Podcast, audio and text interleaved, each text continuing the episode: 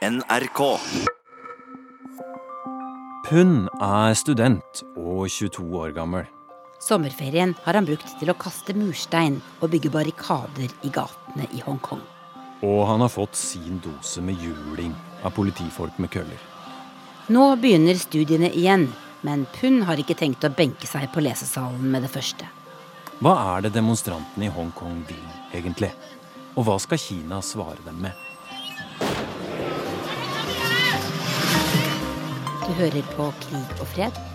Med Tove Bjørgaas og Tore Moland.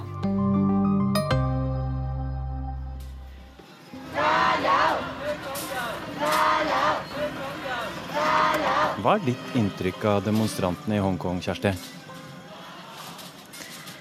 Det er at eh, de ikke kommer til å gi seg. De eh, sier at eh, dette er revolusjon. Og det betyr jo at de er villige til å ofre mye. Men hva er det de slåss for, egentlig? En god del folk ønsker skal man si, selvstendighet, men de er, mesteparten ønsker ikke det. De ønsker bare at Hongkong skal få lov å være den type sted som de har kjent så langt. Jeg heter Kjersti Strømmen og er NRKs Asia-korrespondent basert i Beijing, men har òg oppholdt meg en god del i Hongkong i det siste. Jeg vil vel si at uh, dette koker veldig ned til at de er engstelige for hva det vil innebære å bli en virkeligere del av resten av Kina. Det skal de jo bli i 2047. Men inntil det så er de blitt lova at de skal ha sitt eget juridiske system. De føler at Beijing puster de i nakken og egentlig har tatt ganske mange grep som har forringa de rettighetene de mener at de skal ha fram til 2047. For Hongkong-kinesere er rett og slett ikke som andre kinesere. Forklar oss hvorfor. Ja, Det er fordi at dette området har vært styrt av britene i lang tid. Eh, og så ble det en del av Kina igjen i 1997, eh, men skulle altså få lov å være eh, litt spesielt fram til 2047, i 50 år. Og så er det den unge generasjonen nå, da, som uh, syns at uh, De er redde for at de skal bli vanlige kinesere. Og uh, man har mangel på ytringsfrihet. Og Kina har blitt et mye strengere regime etter at Xi Jinping kom til makta. Og de er redde for at uh, det skal bli likt der. At uh, Hongkong skal bli en vanlig kinesisk by, sier de. Og dette er såpass skremmende for dem at mange av de som jeg har snakka med, sier at de faktisk er villige til å bøte med livet for å sikre at Hongkong forblir den byen som de kjenner som sitt hjem.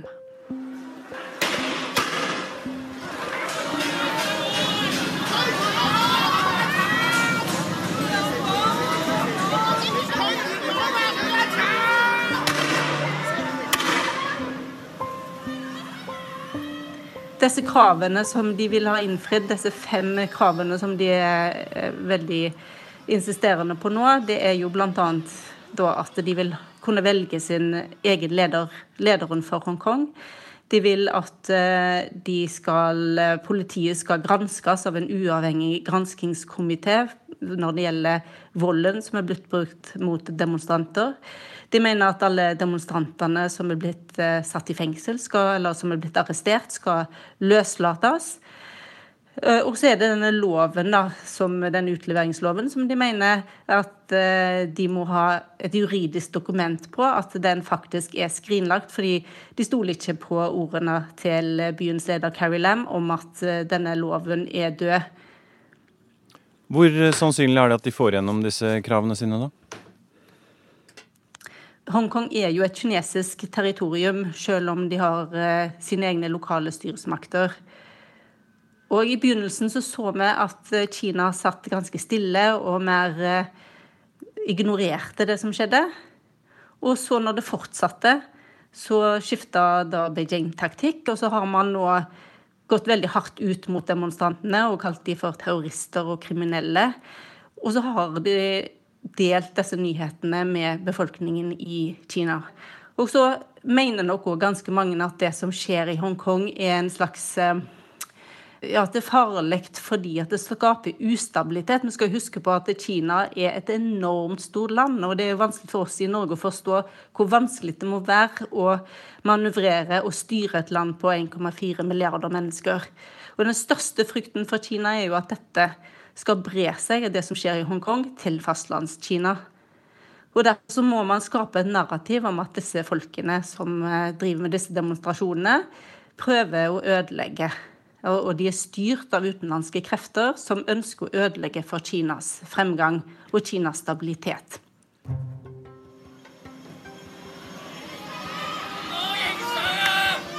Som de fleste andre av demonstrantene i Hongkong vil ikke Pun si hva han egentlig heter.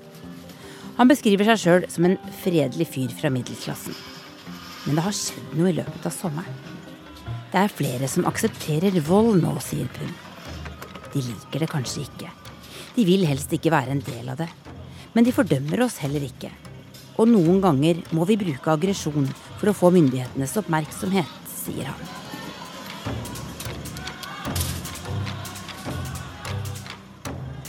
Um, den første stor demonstrasjonen startet i 9. juni.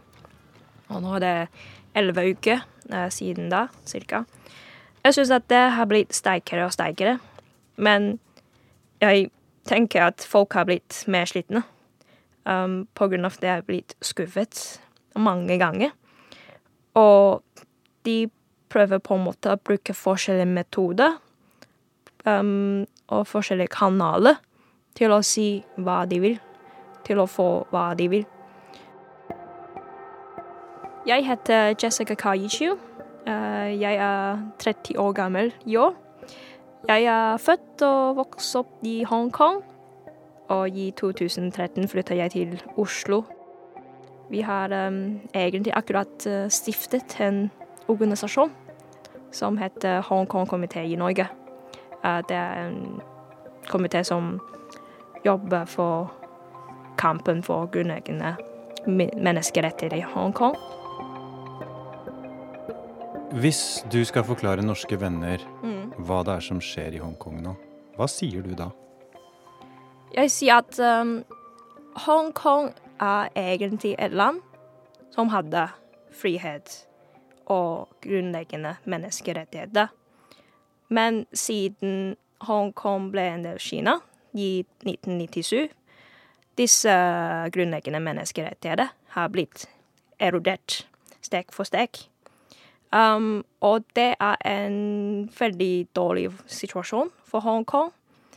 Og den uh, viktigste kraften er at folk ønsker full demokrati nå. Um, dette var et krav egentlig de ønsket uh, i, tilbake til 2014 i paraplybevegelsen men de vil at det skjer nå. Hva betyr fullt demokrati i Hongkong? Det betyr at uh, folk i Hongkong kan nominere og stemme på sjefen for regjeringen, og samtidig gjelde for Stortinget i Hongkong. Eller like, uh, parlamentet i Hongkong. Men betyr det også at man må løsrive seg fra Kina? Nei, det betyr ikke det. Um, for eksempel, jeg har snakket med foreldrene mine om det også. De syns at uh, det er ikke realistisk å være uh, eget land for Hongkong. Fordi um, de syns at det er umulig og upraktisk. Så jeg tenker at det er egentlig en mange i Hongkong, i hvert fall um, den gamle generasjonen, vil ikke Hongkong være uh, et eget land. Hongkong er en del av Kina. Men du føler deg ikke kinesisk? Jeg føler at jeg er Hongkong-kineser. Forklar forskjellen for meg. Um, jeg tror det er på grunn av jeg vokste opp i et sted som har mye influense fra um, vestkultur.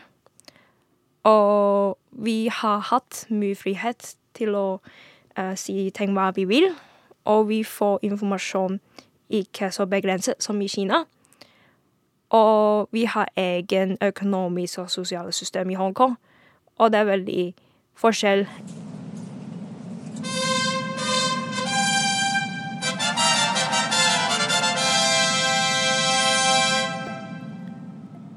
Vi er tilbake i 1997.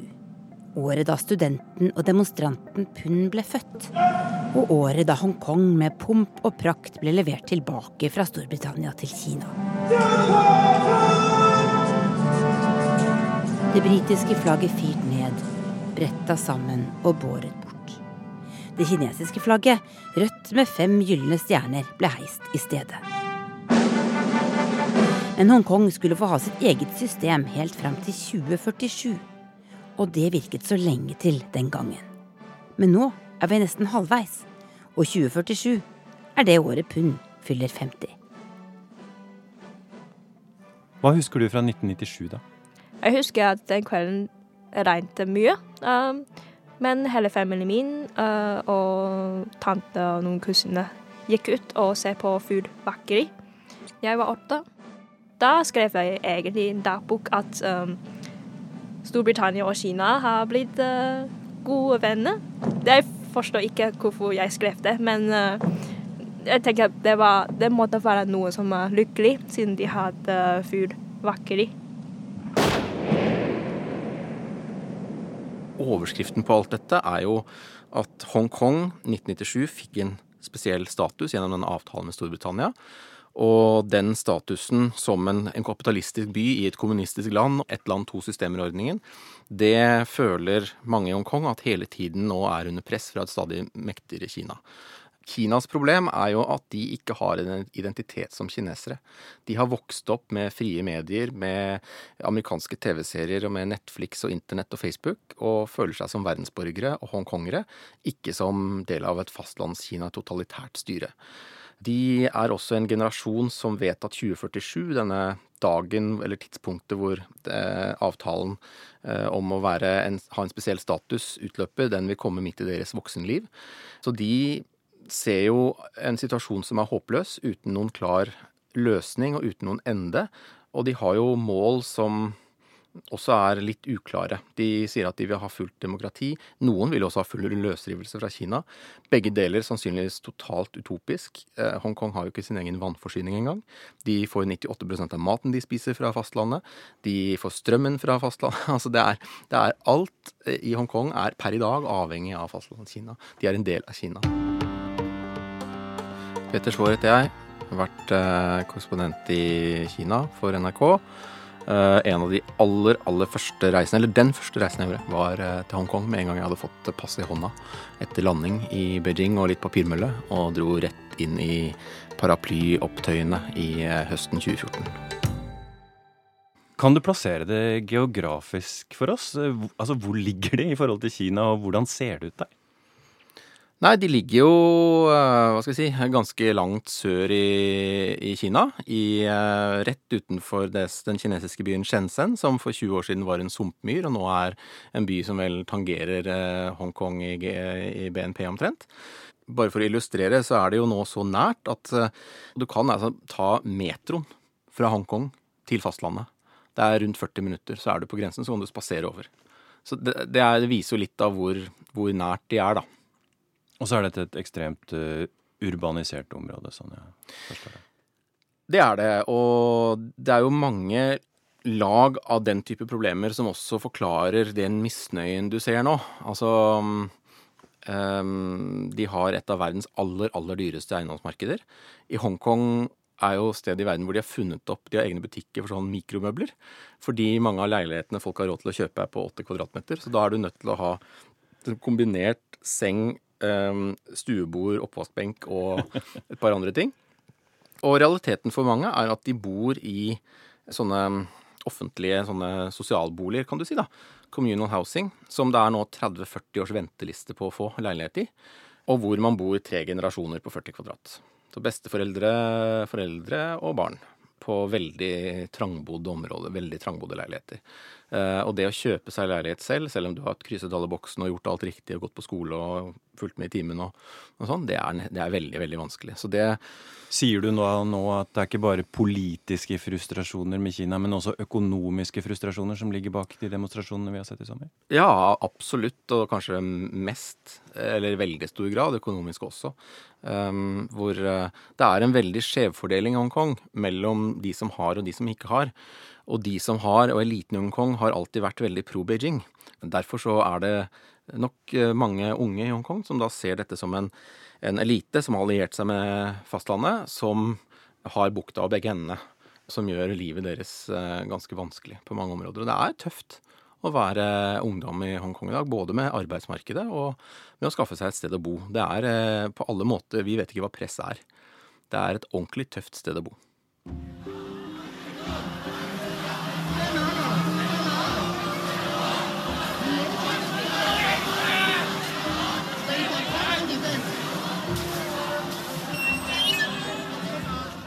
Tilbake til utgangspunktet. Peter Svaar, hvem er demonstrantene i Hongkong? De er jo i hovedsak unge. Eh, samtidig så tror jeg det er eh, verdt å minne om at de heller ikke er alle. Eh, og på meningsmålinger mm, både i 2014 og nå, så er det vel et ja, litt varierende, men gjerne et lite flertall som ikke støtter dem. Så det er noen 50-50, 52 tror jeg jeg har sett på meningsmåling som, som sier at de eh, syns at demonstrasjonene er, eh, ikke er riktig vei å gå. Da. Så det er absolutt en delt by. Går det an å oppsummere på noen fornuftig og kort måte hva disse demonstrantene egentlig vil? Jeg er noen ganger litt usikker på om de vet det selv. Eh, men det er klart det de sier de vil, er eh, å få fullt demokrati. Og jeg tror at for en del av dem så ser de fullt demokrati som et steg på veien til, til autonomi og selvstyre uh, uavhengig fra Kina. Fordi hvis du får selvstyre og demokrati, så er det klart at i neste steg da, så kan, kan du få inn en leder som vil ta til orde for å kutte båndene enda mer med Beijing. Uh, og mm, du har jo nå fått en, en sånn localist-bevegelse, som er en slags lokal nasjonalisme uh, av, uh, av, folk som ganske hardhendt hevder at, at Hongkong må bare kutte navlestrengen til Kina. Uh, og, og, det er jo et godt spørsmål, i hvert fall om det er en farbar vei. Hvor leder den, liksom? Hvor, hva er målet? Det er dette som er skrekkscenarioet.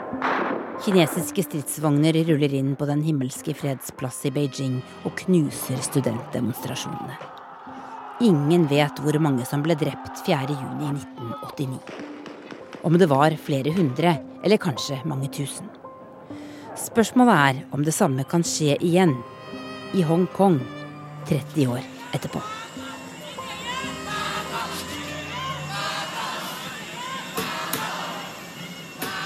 Det skal veldig mye til å se for seg at uh, kinesiske tanks ruller inn i Hongkong.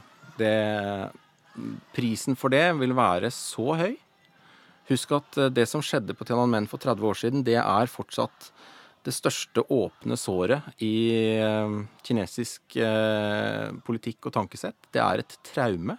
Det er fortsatt sensurert. Det er tabu å snakke om. Alle vet jo at det skjedde. Men å gjenta det 30 år etterpå i Hongkong, det vil ha Ja, det vil ha så stor kostnad. Og i tillegg, hva kommer etterpå? Altså, hva er steg trinn to etter at tanksene og soldatene har rullet inn i Hongkong? Hva skal du gjøre da? Da er, eneste, da er jo Hongkong ferdig. Da, er, da har du bare innlemmet Hongkong i fastlandet. Ferdig.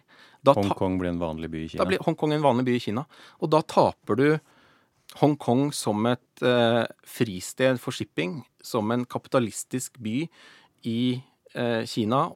Og den funksjonen er verdt noe for Beijing. Altså, den ønsker de å bevare. Og går du inn med militærmakt, så er alt Da har du brent det ned. Da er det ødelagt.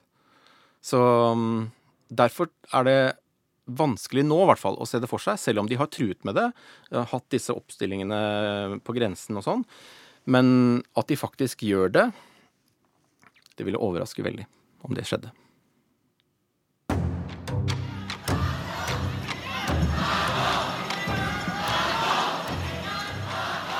加油香港人. Det betyr å heie hongkongere. At uh, det betyr at vi må ikke gi opp, og vi må ha tro på det og bare kjempe for det. Jeg tror det er liksom et uh, uttrykk som gir oss støtte gjennom bevegelsen. Hvordan sier du det? 加油香港人. Kjersti Strømmen, du har vært eh, tre ganger i Hongkong i løpet av sommeren for å dekke demonstrasjonene. Hva, hva sitter sterkest igjen for deg? Det er vel denne utholdenheten, da, eh, som eh, er så sterk. De har altså vært ute på gatene mange hver eneste helg, og ofte òg midt i ukene. Så går de på jobb eller på skole. De som går på skolen, har jo hatt fri i sommer, men folk som går på jobb, går altså ut og demonstrerer etterpå og sier at eh, vi skulle jo helst vært hjemme og slappet av. Og hatt en god middag med venner uten å måtte demonstrere og vise oss på gatene. Men vi føler ikke at vi har noe annet valg enn å gjøre akkurat det. Så det er vel den utholdenheten som har gjort uh, mest inntrykk. Og så er det gjør det òg veldig inntrykk at uh, det virker på meg som om denne kampen deres, denne revolusjonen deres, ikke kan føre fram. Og så er spørsmålet hva skjer hvis man har sterke krav man, og sterke ønsker og en så sterk drøm at man er villig som de sier, til å dø for det, og så blir den likevel knust.